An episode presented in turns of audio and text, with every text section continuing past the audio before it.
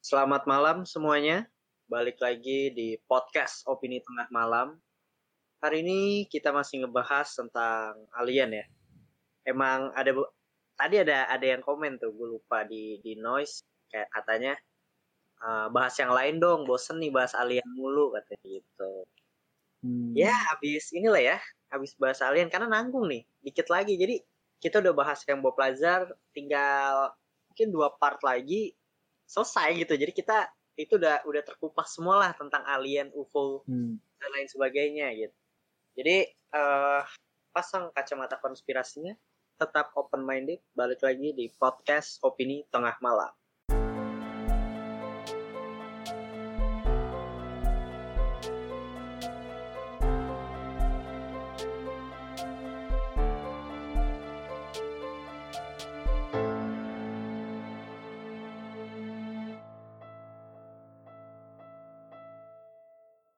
Oke, selamat malam semuanya. Masih bareng gue Bimo Konspirator. Gue Fenden Nabil. Hah? Apa? Ubah nama nggak? Ubah nama nggak? Ubah apa nih? Bingung. Ah, udah gak usah lah. gue Faris Realistis. Gitu. Jadi kita masih bertiga. Masih ngebahas tentang alien. Dan kali ini pembahasannya akan lebih menarik banget. Dan sangat-sangat menarik ya. Kali ini kita bacain kesaksian-kesaksian orang.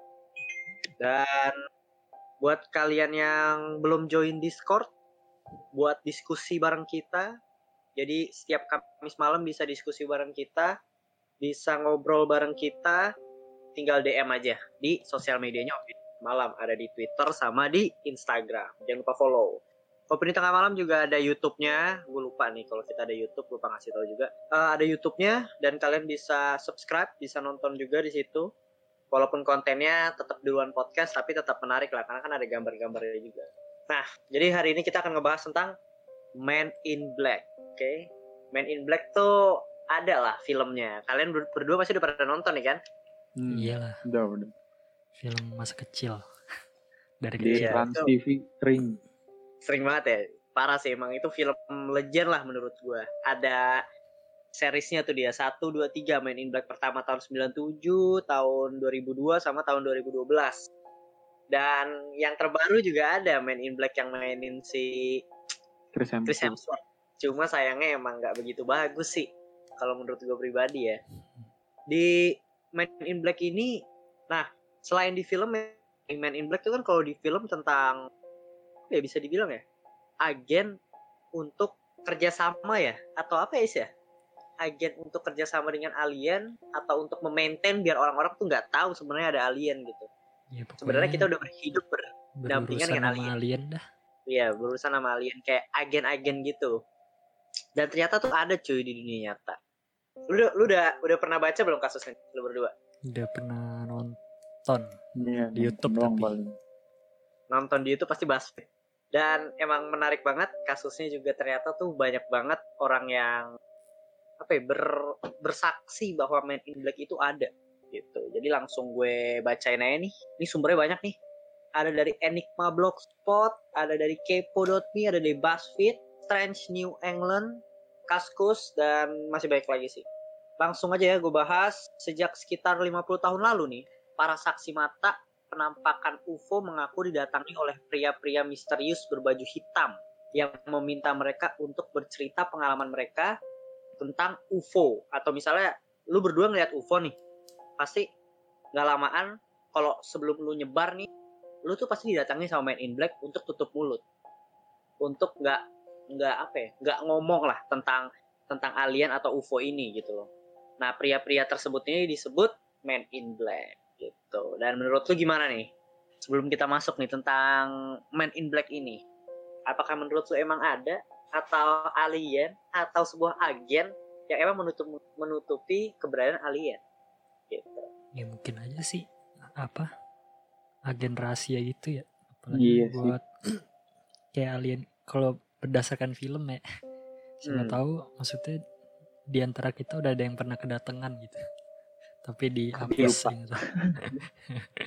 sih gue jadi tapi sebenarnya gue jadi menarik gini loh.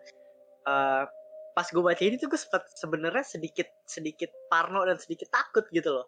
Nih kali ini kan kemarin gue realistis banget nggak percaya alien nih area 51 atau apa. tapi pas gue baca Men in Black ini kayak anjir possible aja nih cuy kalau seandainya emang emang si alien ini ada gitu loh. Dan kali ini kesaksiannya dari orang-orang awam kayak kita gitu. Ngapain dia bersaksi gitu loh? Apakah untuk viral doang? Ya tapi gue nggak tahu ya untuk untuk motifnya. Dan gue jadi ngebayangin kayak anjir nih kita bahas alien gitu loh kan yang kayak seolah-olah kita membongkar dan memberikan persepsi bahwa alien itu ada gitu. Apakah besok tapi tiba-tiba apakah kita di Indonesia ada? Ternyata. Ya di blok M kedatangan gak sih Men? In Black ada cabang. Ini Black cabang Ya, di mungkin Jakarta. kayak kayak kayak di Cabang di, Jakarta. di, di film si Men in Black kan emang ada banyak banget cabangnya kan ya mungkin Fat kalau nanti lo kedatangan orang hitam maksud gue berbaju hitam ya. Orang berbaju hitam lo langsung bisa kabarin kita Fat oke. Eh, langsung gue masuk aja nih. MIB atau Men in Black di dunia nyata. Men in Black sebetulnya ada pula dalam kehidupan nyata alias bukan sepenuhnya fiksi. Beberapa catatan sejarah bahkan pernah menyinggung keberadaan kelompok orang-orang misterius ini. Definisi Men in Black ini, eh, dia tuh berpakaian jas hitam, terus bekerja sebagai rahasia pemerintah dan bertugas membasmi alien gitu. Tapi ini eh, satu dari teori orang ya. Dan ada banyak lagi definisi tentang Men in Black itu sendiri. Dan langsung gue baca ini, teori Men in Black ini lucu sih. Ada beberapa ya. Yang pertama itu adalah alien. Jadi Man in Black ini adalah alien yang menyamar. Dan sebelum masuk ke teori gue mau, mau, mau ngomong nih satu, gue lupa lagi kasih tahu. Jadi nih waktu pidatonya Barack Obama, ini kalau kalian tahu ya, waktu pidatonya Barack Obama itu ada foto dan ketangkep ada dua orang berpakaian ya Man in Black. Ibaratnya tuh kayak apa ya? Security-nya Obama itu orangnya itu tinggi, gede, dan bermukanya tuh bermuka aneh banget botak rada sedikit kayak Voldemort pokoknya aneh banget dan orang disebutnya tuh dua orang itu mereka itu ya si Man in Black ini. Lu udah pernah lihat belum foto ya videonya. Hmm, udah, Udah. udah. udah ya? Tapi kalau menurut lu sendiri Hmm. itu fotonya gimana? Nanti kalau di YouTube ada nih fotonya. Video kan? Eh video apa foto? Gue kemarin liatnya foto sih. Ada videonya. Bisa Gimana jadi tuh kalau- mungkin Men in Black. Cuma kalau secara realistis kayaknya menurut gue cuma ini apa?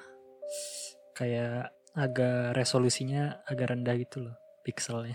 Oh jadi fotonya ya? Eh videonya ya? Iya jadinya mukanya rada sedikit blur ya. Oke bisa bisa bisa. Dan gue lanjut lagi nih. Teori Man in Black yang pertama itu adalah alien. Beberapa ufolog atau ufologi percaya bahwa Man in Black sesungguhnya adalah alien. Atau paling tidak android manusia robot yang dikendalikan langsung oleh alien. Mereka diutus ke bumi untuk membantu menjaga kerahasiaan aktivitas alien di bumi. Gitu. Dan apa ya? Ada sedikit sedikit halu sebenarnya sih ya Iya, Kalau- mending- maksudnya kalau misalkan ada pun mendingan kerja sama sama sesama ras gak sih maksudnya Daripada turun tangan langsung. sama manusia aja turun gitu tangan langsung kan.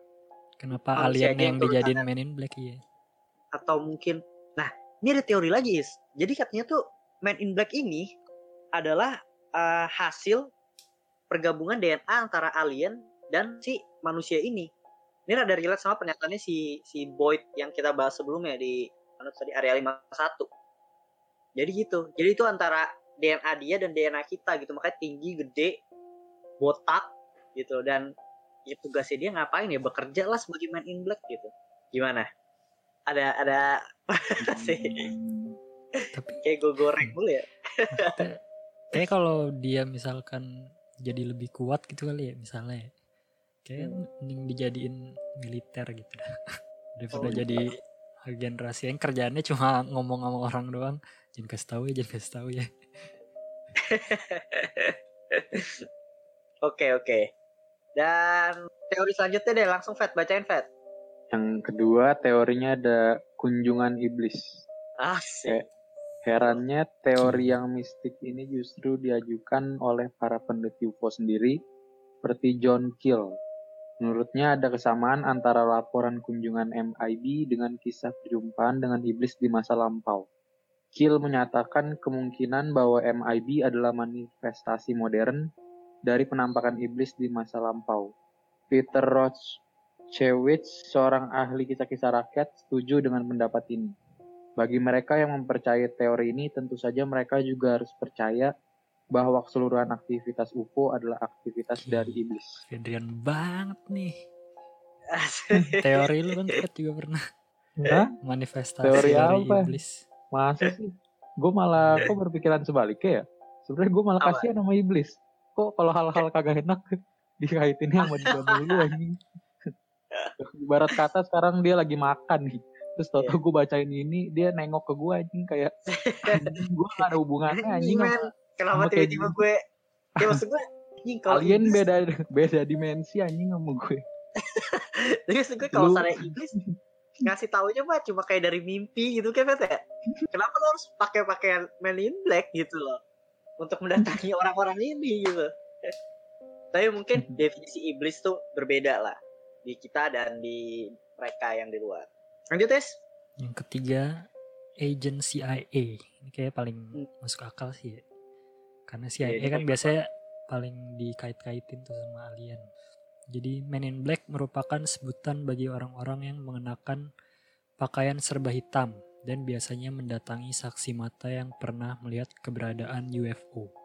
Tujuan mereka adalah menyalahkan persepsi si saksi. Jadi kalau di sini di teorinya ya Men in Black itu manusia kayak kita. Cuma agen-agen yang dari CIA aja ditarik-tarikin jadi MIB. Tapi ini paling possible nih menurut menurut lo berdua. Harusnya Hmm. sih begitu. harus yang paling ya paling banyak possible sih sebenarnya agen CIA ya. Cuma kalau yang nomor satu ya ada possible juga. Maksudnya kan kalau alien yang apalagi yang dikaitin dengan DNA-nya digabungin ya. Maksudnya kan mereka berkaitan dengan alien. Maksudnya eh, manusia pasti punya emosi lah ya kayak setelah beberapa lama takutnya ntar malah bocor gitu sama kayak yang lain itu. Oke. Jadi ada kemungkinan juga sih teori nomor satu tidak Oke. menutup. Keren keren keren. Teori keren Fet. Teori ini keren. Tapi nanti deh pas lu baca kesaksiannya itu mungkin kayaknya agen CIA itu nggak kayak gini gitu loh. Aneh Hmm. aja gitu loh maksud gue. Nah, ini gue langsung masuk nih. Jadi bentuk Man in Black itu sendiri nih dari beberapa sumber dan dari beberapa orang yang lihat kalau mata agen Man in Black itu berbentuk aneh atau sipit. Ya. Kick dari conference anjir. Jangan-jangan gue anjing. DNA alien anjing. Kagak maksudnya orangnya bisa be- bermata sipit, bermata aneh, besar karena pengaruh tiroid. Tiroid itu apa sih? Aduh tadi gue mau nyari lupa itu gue. Cari dulu gak? Ya lu sambil cari aja gue bacain. Sebagian bahkan percaya kalau bentuk mata mereka seperti alien grey. Nah, alien grey itu gue lupa apa. Kayaknya kita pernah bahas deh dikit. Grey kemarin. alien yang kayak biasa, pala gede, mata gede yang hitam. Dia juga ini katanya nis. Jadi uh, Man in Black sendiri tuh bicaranya tuh kaku dan punya muka yang kurang lebih sama sama temennya.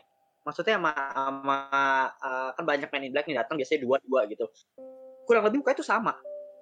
Dan katanya nih katanya penulis Amerika Jerome Clark mengatakan Man in Black tuh nggak mesti pakai baju rapih dan hitam.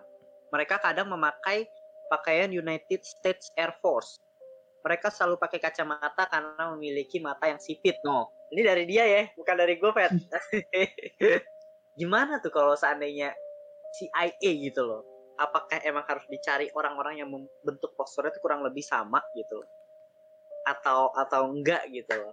Nah ini nih yang sebenarnya sedikit kontradiksi. Gue sebenarnya juga pengen percaya si CIA ya, tapi kenapa kesaksiannya tuh kayak misalnya uh, Faris ngelihat di Tanjung Duren, Ferdian ngelihat di Jakarta Utara atau enggak di Malaysia gitu.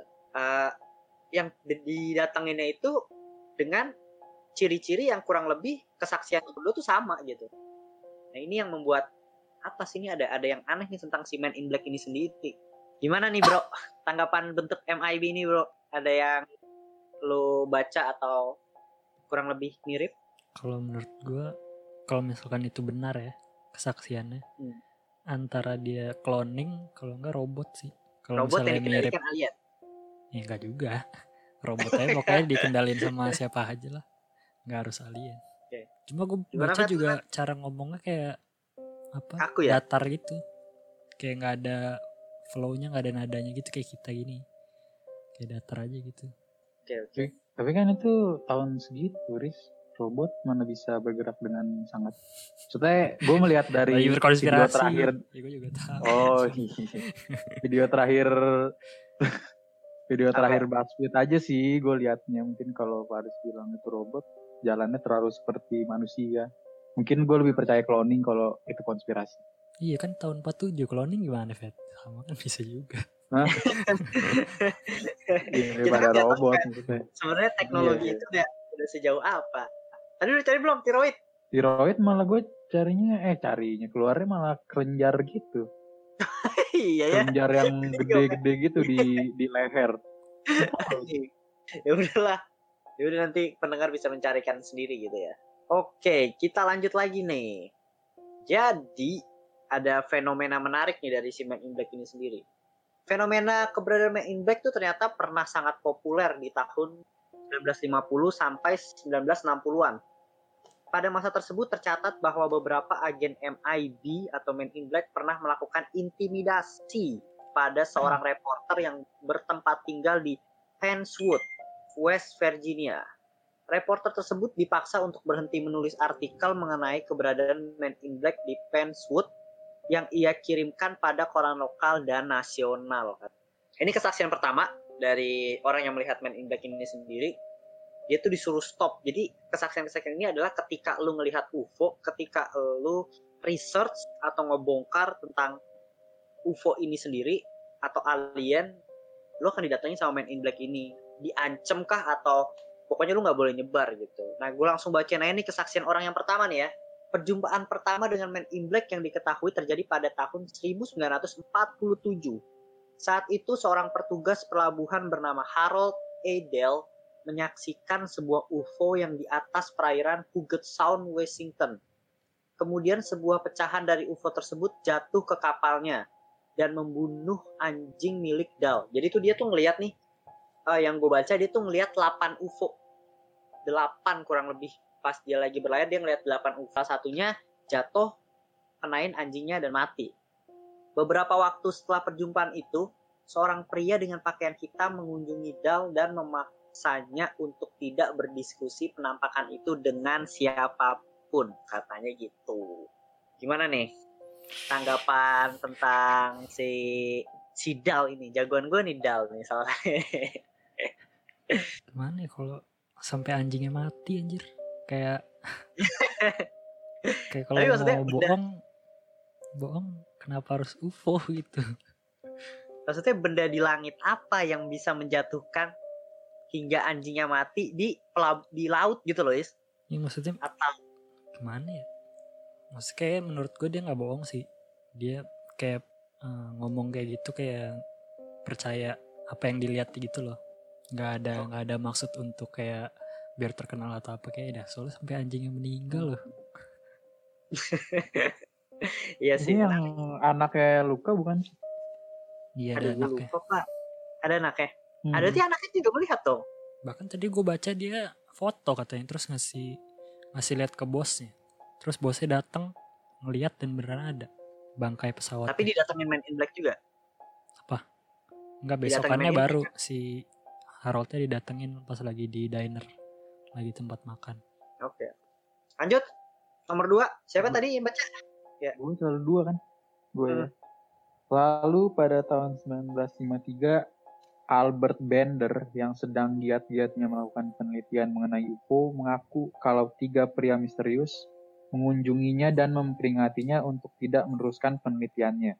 Kisah Bender inilah yang kemudian menjadi anjing apa gue mati. Kisah Bender inilah yang kemudian menjadi dasar penulisan buku Gray Ba- Barker They Knew Too Much About Flying Saucer. Oke. Jadi ini kalau si Albert Bender ini melakukan research tentang UFO gitu loh dan tiba-tiba datangnya Man in Black gitu. Paris lanjut tuh deh.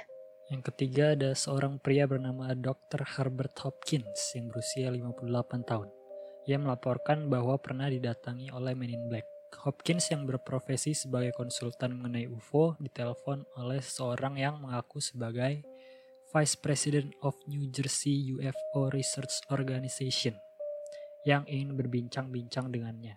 Beberapa menit setelah menaruh gagang telepon, or- orang serba hitam datang di teras rumahnya. Gile. Gila ya. Jadi kadang Iya.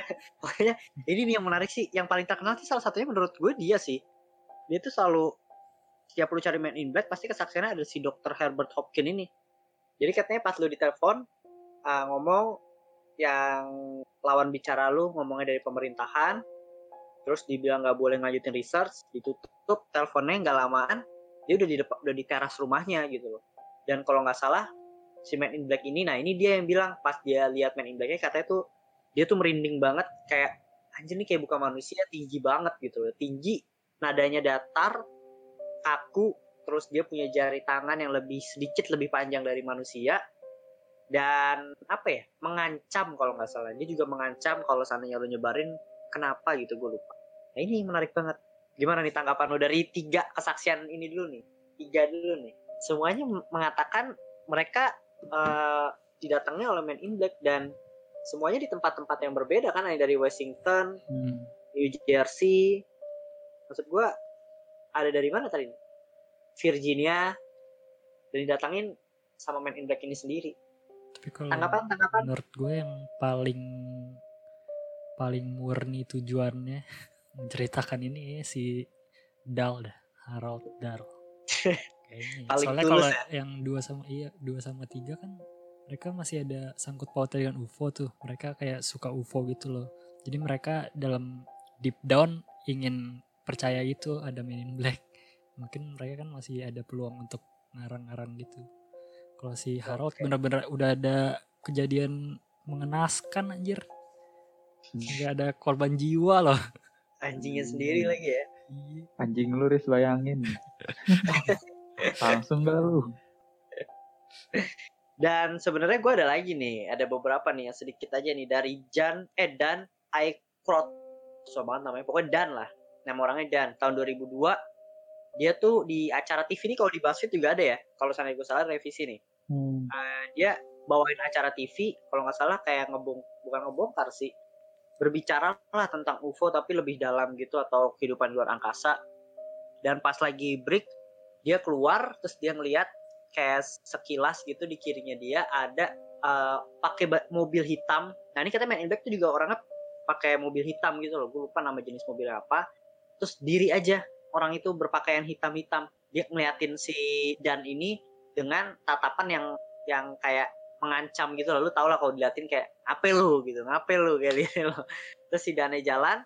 Beberapa detik setelah itu dia nengok ke belakang. Si itunya udah hilang. Dan pas dia balik ke acaranya dia bilang kalau nggak salah ke produsernya kayak kita nggak bisa ngelanjutin ini lagi gitu. Ini harus di di offin acaranya gitu dia katanya kesaksiannya lihat Man in Black itu sendiri sih. gitu. Gimana? Si Dan ini. Itu ngeri juga sih. Besokannya tiba-tiba langsung di cancel acaranya. Iya iya. Kayak besokannya ya? Itu ada besokannya ya? yang iya Yang yang, ditelepon kan ya kalau nggak salah ya. ngomong produsernya kan. Di cancel gitu acaranya. Si Dani nggak tahu apa-apaan. Jadi kayak ada Oh, yang iya. ada yang ngancem produsernya gitu loh. Di pas di, pas Hmm. didatengin gitu. Mungkin mereka itu Iya. kali terlalu pembahasannya udah terlalu mepet kali udah mau kena kena ke terlalu iya ke kenyataannya Iya, iya, iya. Oke. Lanjut lagi nih. Kesaksian berikutnya itu ini sih yang terkenal banget. Ini terkenal banget. Pasti kalian juga pasti tahu nih fotonya. Pada suatu siang di musim panas tahun 1964, Jim Templeton tanpa sengaja menangkap sosok mirip astronot ketika tengah memotret anaknya. Setelah cerita tentang foto misterius itu dimuat di media massa, Templeton ini didatangi oleh dua orang berpakaian serba hitam yang meminta untuk menunjukkan lokasi pengambilan foto. Anehnya kedua orang itu tidak hanya menyebutkan bahwa mereka adalah agen pemerintah dan mereka menyebutkan nama mereka adalah 9 dan 10 gitu kan. Ketika ditanyai tentang identitas mereka, saat Templeton bersikukuh tidak melihat sosok astronot tersebut secara langsung, oh, saat Templeton bersikukuh tidak melihat astronot secara langsung, kedua orang ini dengan marah meninggalkan Templeton dan insiden tersebut dikenal sebagai Solvay Verpesman. Lu tau nggak fotonya? Tahu kan? Fotonya tuh jadi yang kayak anak kecil di foto di belakangnya tuh ada ada ada astronot gitu loh. kocak Gimana? Hah? Kocak tapi astronotnya kayak kocak gitu lah anjir Kayak Kalau kayak hoodie, hoodie bar belakang. Gue bisa ngeliat Tahu lagi hoodie gue. Lu tau nggak? Kagak lagi. eh lalu cari nih. Cari tuh. Gue bisa ngeliat hoodie-nya anjir itu. apa? Kayak orang lagi ngadep belakang. Pakai jaket yang Tapi hoodie ada- gitu loh. ada ini is. Itu ada penjelasannya katanya. Eh katanya itu di tahun segitu eh apa ya? Cahaya fotonya itu kayak overexposure ya atau apa gitu. Jadi di situ kan istrinya dia bilang ist- dia bareng istrinya juga dan istrinya itu memakai eh, gaun atau pakaian berwarna biru. Nah kalau seandainya terlalu banyak cahaya biru itu berubah jadi putih gitu loh. Dan pas diredupin ada ada fotonya yang di exposure diapain lah diedit dan lain-lain diredupin. Dan iya itu pakai baju biru dan dan menurut gue itu istrinya gitu loh. Istrinya lagi lewat aja madep-madep belakang karena overexposure jadi jadi kelihatannya kayak astronot begitu itu penjelasan paling masuk akal sih kalau menurut gue cuma emang ini jadi terkenal banget loh si foto ini Kayak kelihatan itu cuma jaket baju biasa gitu loh sama orang madep belakang. Terus kalau misalkan di situ ada ada spaceman gitu pas dia moto kan dia ngeliat kan pasti di belakangnya gitu. tapi karena ini kayak gimana sih kayak misalnya kalau kita foto nih foto orang tapi fotonya tuh eh belakangnya tuh terlalu backlight gitu loh. Jadi kan orang yang di belakang nggak kelihatan nih Ya, cuma kan cekrek terus ngeliat ke sana kan pasti ada orang ya kan? Iya gak sih? Kalau Iya misalkan ada alien di sana terus ada alien lagi jalan, diri alien pasti kan gitu kelihatan. Masa dia nggak ngeliat sampai setelah fotonya dicuci. iya sih. Dia tapi bilangnya dia nggak ngeliat. Aneh juga sih si Jim ini cuma dia mengaku habis itu didatangin sama Man in Black. Gitu coy. Oke lanjut deh Fed bacain Fed Yang kelima ada pada sebuah malam musim dingin di tahun 1961, Paul Miller tengah kembali dari berburu ketika melihat benda terbang bercahaya terang. Benda itu turun di sebuah ladang di luar Minot, North Dakota. Miller yang ketakutan menembakkan senapannya ke arah benda itu ketika dia melihat dua sosok hendak keluar. Miller sangat yakin tembakannya mengenai salah satu di antaranya sebelum kabur dengan mobilnya. Ketika Miller pergi bekerja keesokan harinya, dia didatangi tiga orang berpakaian serba hitam. Kepada Miller, mereka mengaku mengetahui peristiwa semalam dan mengancamnya untuk tidak mengatakannya kepada siapa pun. kayak gitu sih kalau ya jadi emang apa ya ada juga yang gue baca kemarin naik mobil terus tiba-tiba dia ngelihat eh, dia tuh nabrak UFO gitu loh. Kayak lu nab- nabrak tapi Hmm. nabrak terus kayak dah pas lu lihat ke depan lah kok nggak ada? Tiba-tiba UFO-nya hilang gitu loh. Pas dia buka pintu dia ngelihat ada apa sih mungkin percikan ya atau misalnya besi lah sisa besinya jatuh gitu. Dan dia mobilnya penyok. Mobilnya dia penyok tapi dia nggak ngeliat ada siapa-siapa. Pas dia nabrak dia ngeliat dia bukan UFO sih bilangnya. Benda aja benda benda nggak tahu apa gitu pas malam-malam dia ambil nih bendanya dibawa pulang lah. Itu kayak aneh banget gue nabrak apa tadi gitu loh. Kayak nggak ada apa-apa. Terus kalau nggak salah antara besoknya didatengin sama Man in Black. Kayak gue tahu kejadian kemarin dia minta minta benda yang dia ambil kalau nggak keluarganya bakal diapain atau apa gitu. Nah ini nih kata dia juga salah satu kasus yang terkenal gue lupa lagi namanya dia siapa. Pokoknya kayak gitu sih. Lanjut dulu deh terakhir tuh kesaksian Man in Black Terakhir ada di tahun 1979, seorang warga bernama Paul Benewitz menghubungi Angkatan Udara Amerika, menyatakan bahwa ia melihat benda bercahaya terbang pelan di langit.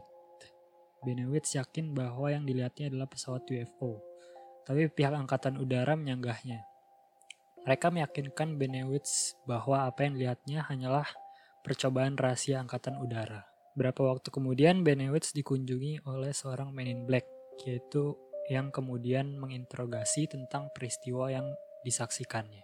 Sejak saat itu, Benewitz mengaku selalu diawasi seseorang ke mana pun ia pergi. nah gimana nih Serem. tanggapan kalian berdua nih tentang si alien-alien ini gitu loh Jadi pengen ini dah berteori yang sangat keren biar didatengin.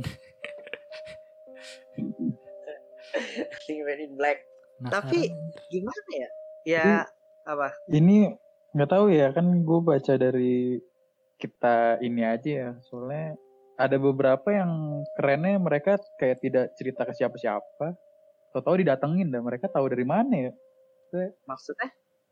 ini kan kalau dari gue baca ada yang kayak nggak ada yang nggak cerita ke siapa-siapa gitu loh. Maksudnya dia keep keep sendiri buat dia sendiri tapi besokannya kayak didatengin sama Man in Black. Maksudnya Man in Blacknya tahu dari mana ya Oh, ngerti gak sih kan aduh, ini itu. apa misalnya dia datang tuh dia tahu ada kegiatan alien kali misalnya si Men in Black -nya. pas Iya datang kali ya. ada ada track mobilnya si orang siapa tadi yang nabrak itu kali gitu kali rodanya gitu. aliennya report ya bener-bener mirip sih sama di filmnya juga kan ya, Man in Black ya. Film Man in Black kayak tugasnya Will Smith dan lain-lain ya. Kalau itu lebih ke maintain, tapi kan maksud gua orang-orang yang lihat lihat ini kayak dilupain gitu loh ingetannya sama si Will Smith ini kan karakternya kan. Hmm. kalau Ini yang sih diancam Iya, mungkin itu yang disebut diancam. Nah, menurut gue gimana ya? Si apa sih kayak kesaksiannya ini membuat kenapa lu harus berbohong gitu atau menceritakan hal ini gitu loh. Motifnya apa sih gitu? Apakah ya balik lagi motifnya paling bener viral sih ya. Iya. Ya emang Iya yang nggak paling Hmm. paling tulus Dal doang. Dia nggak ada mau apa-apa cuma cuma ngasih tahu ke atasannya doang dia nggak sesuatu yang aneh. Terus Tapi ada juga nih yang uh, katanya dia datengnya Emin Black juga yang ngasih sembako sampah tau gak? Lu tau gak sih? Sembako sampah anjing. Tahu tuh Tahu anjing banget. lu Lu, kayaknya lu gak tau ya? Enggak. Nggak? Enggak tahu. Ayo nih gue sedikit baru di share juga Baru baru share kita lagi suka lu yang kan gelut-gelut kita kan lagi kegoblokan orang biasa suka. Seru ya aja. lihatnya Riz. kita lagi kayak, Kayak ya maksudnya ini ya eh, orang lagi butuh banget sembako gitu kan. Sekarang juga lagi kondisi kayak gini. Kita juga lagi social distancing gini lah, masih video call. Jadi dia ngebuat prank is. Ngebuat prank ngasih sembako ke anak kecil kalau nggak salah sama ke waria juga deh. Ngasih Hmm. sembako. Terus pas dia naik mobil coba buka dulu sembakonya. Pas dibuka sembakonya isinya batu bata batu. Kayak gitu terus diketawa-tawain. Anjir gila ya. Mantep gak Terus dia apa ya? enak Iya udah habis itu terus akhirnya kabur. sih udah, udah oh enggak enggak bim di- enggak bim enggak bim taruh bim. digebukin. taruh enggak enggak ada lagi Riz. Setelah itu dia minta maaf. Oh, iya. Instagram permohonan minta Terus- maaf gini. akhir-akhir tapi bohong Gitu apa? Minta Serius? Kayak kayak gini. iya gue minta maaf gini-gini. Eh tapi bohong.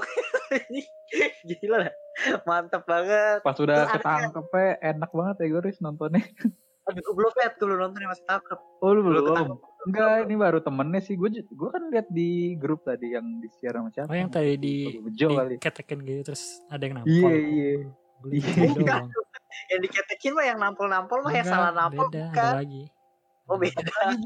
Kan ap- itu kan gue yang nge-share ya. Masa gue gak tahu apa yang gue share. kan friend friendly fire Oh, iya iya. Ini. Tapi ada dia ngomong gini juga di caption kalau nggak salah deh. Eh, gue bersedia minta maaf tapi asalkan followers gue bisa balik 40k kayak dulu. Anjing kayak gitu. Tadi gue dapat screenshotannya sih. Gaje ya. Nggak tahu. Ngomongin main black aja. Oke, Goblok. main in black ya. ini gue pikir dia bakal kedatangan main in black cuy. Ini kasus yang lagi ini lagi nih. Kasus yang menurut gue paling gede lah, paling gempar nih. Itu nggak gue tulis tuh di skrip. Namanya Shane Sofar. Dia jadi hotel manager. Pada tahun 2008 dia lihat segitiga besar di atas hotelnya. Mungkin itu ibaratnya kayak pusatnya ya, kayak bos UFO gitu lah yang gede banget di atas hotelnya, nutupin hotelnya. Dan itu dilihat oleh tiga saksi mata ngelihat penampakan itu di Basit ada kok ini terus besoknya tuh ada orang da- dari CCTV-nya dia ketangkap ada orang man in black Hmm. gede pakai topi masukin ke hotelnya dia terus eh, saksi ngelihat tuh nggak ada alis tinggi berpakaian hitam dan ya sesuai sesuai deskripsi yang orang-orang sebelumnya bilang gitu loh cuma ini sebenarnya jadi kontroversi sih karena video itu bisa aja hoax gitu loh video itu bisa aja bukan man in black Hmm. orang penghuni hotelnya aja yang masuk pakai baju hitam tapi emang tinggi banget sih itu dua orang Oh yang dua orang itu ya di sini. Hmm. Iya sih. Hah. Terus sama bener-bener sama lagi bajunya ya. Iya bajunya sama. Maksudnya kalau lu pria biasanya kan kagak mau tuh keluar Iya, dengan baju bajunya yang sama. Pakai topi Ah. lagi dua-duanya. Kalau gue misalkan lu pakai topi, gue lepas pasti. Iya. gue gak mau kelihatan sama. anjing. Iya maksud gue di sampingnya kan ada orang ya, ada orang lagi diri juga. Nah itu orangnya menurut gue udah tinggi ya, dan pas dia lewat tuh lebih tinggi ternyata. Nah ini nih yang menurut gue, ini video terkenal banget sih. Dua yang tadi tuh yang foto anak kecil belakangnya ada astronot sama video ini sih yang booming banget gitu. Akhirnya menjadilah timbul sebuah pertanyaan, apakah Man in Black ini benar ada? Dan kalau seandainya ada, apakah Man in Black ini manusia atau alien? Gimana? Pendapat bapak-bapak udah selesai sih materinya? Ada lah, Ah. menurut gue pasti ada. pasti ada. Berarti Rahasia kalau seandainya pasti ada, possible dong bahwa UFO dan alien itu udah menginjakan kaki di bumi. Ya possible. Kayak kemarin Dan masih. kita bekerja sama possible. dengan dia. Ya itu nggak tahu lah. Oh iya. Bisa aja udah di cuma buat jadi teliti doang. Oke oke. Gimana Fed? Menurut lu Fed? Hmm, sama sih gue kalau Man in Black ini menurut gue ada sih. Cuma terkait ini alien atau orang tidak tahu ya. Cuma kalau alien balik ke pernyataan Faris lagi tadi kayak ngapain dia capek-capek nurunin aliennya buat berurusan sama manusia. Jadi lebih masuk akal kalau agen CIA mungkin yang sudah terlatih karena kan juga tadi kan dibilang omongannya monoton segala macem karena bisa aja orang yang sudah terlatih saya udah terlatih lama lah gitu kan jadi bisa kehilangan emosinya bisa kehilangan gayanya segala macam karena sudah terbentuk gitulah udah dipersiapin menurut gue gitu Oke. sih Tapi juga ada sama sih menurut gua Man in Black tuh emang bener ada. Cuma kayaknya manusia gitu loh. Manusia yang emang kategorinya ibarat kalau lu masuk polisi tinggi lu harus segini gitu loh. Jadi ada ada ada Hmm. minimal tinggi kan. Yang yang emang akhirnya kurang lebih sama lah orang-orang yang masuk. Dan sebenarnya ada pernyataan pernyataan yang menurut gua kesaksian orang-orang ini sedikit apa sih terlalu banyak baca buku aja. Jadi ada satu buku, gue lupa nama bukunya dan nama penulisnya ini salah satu uh, yang memperkenalkan Man in Black gitu ya, mengenalkan Man in Black sebuah uh, yang tadi penjelasannya itu kurang lebih sama sama di buku itu. Akhirnya ya terkenal buku itu terkenal gitu. Apa mungkin orang-orang yang baca jadi melihat fenomena aneh dan seolah-olah membenarkan buku itu bahwa Hmm. sebenarnya ada si Man in Black ini. Tapi ya gue nggak tahu ya terlepas dari hal ini. Mungkin beberapa kasus emang beneran didatengin Men in Black kali ya. Dan beberapa Kayak ada yang. Iya. Dan beberapa ada yang kayak yang si siapa? Misalnya ada yang lihat di jendelanya gitu. Lagi diliatin Hmm. itu orang lagi pakai jas aja kali. Sugesti. lagi di pinggir jalan. Kebetulan gitu. pada tahun gitu banyak yang pakai jas sih Setelah lagi setelah dia ngeliat sesuatu yang aneh pas dia nengok ke jendela ada orang pakai jas hitam. Mungkin kebetulan doang. lagi jadi. tatapan Semua possible dan ini menarik banget sih. ya, karena ini unsolved sih ya Unsolved. jadi memang nggak tahu itu apa Jadi berpaksa berteori aja. Oke, gue tutup ya. Kita tinggal pembahasan alien. Ya, tinggal satu lagi mungkin. Satu lagi lah. Satu atau dua lagi. Jadi abis itu mungkin kita akan bahas yang lain. Dan terutama Hmm. kita akan bahas film. Gue kangen banget kita ngebahas film. Kita nge-breakdown suatu series atau film lah. Oke, langsung gue tutup aja. Gue Bimo Konspirator pamit. gue Ferdian Nabil cabut Dan gue Faris Realistis. Peace. Jangan lupa tonton di YouTube Opini Tengah Malam. Ada videonya dan jangan lupa follow Instagram dan Twitter. Oke, selamat malam.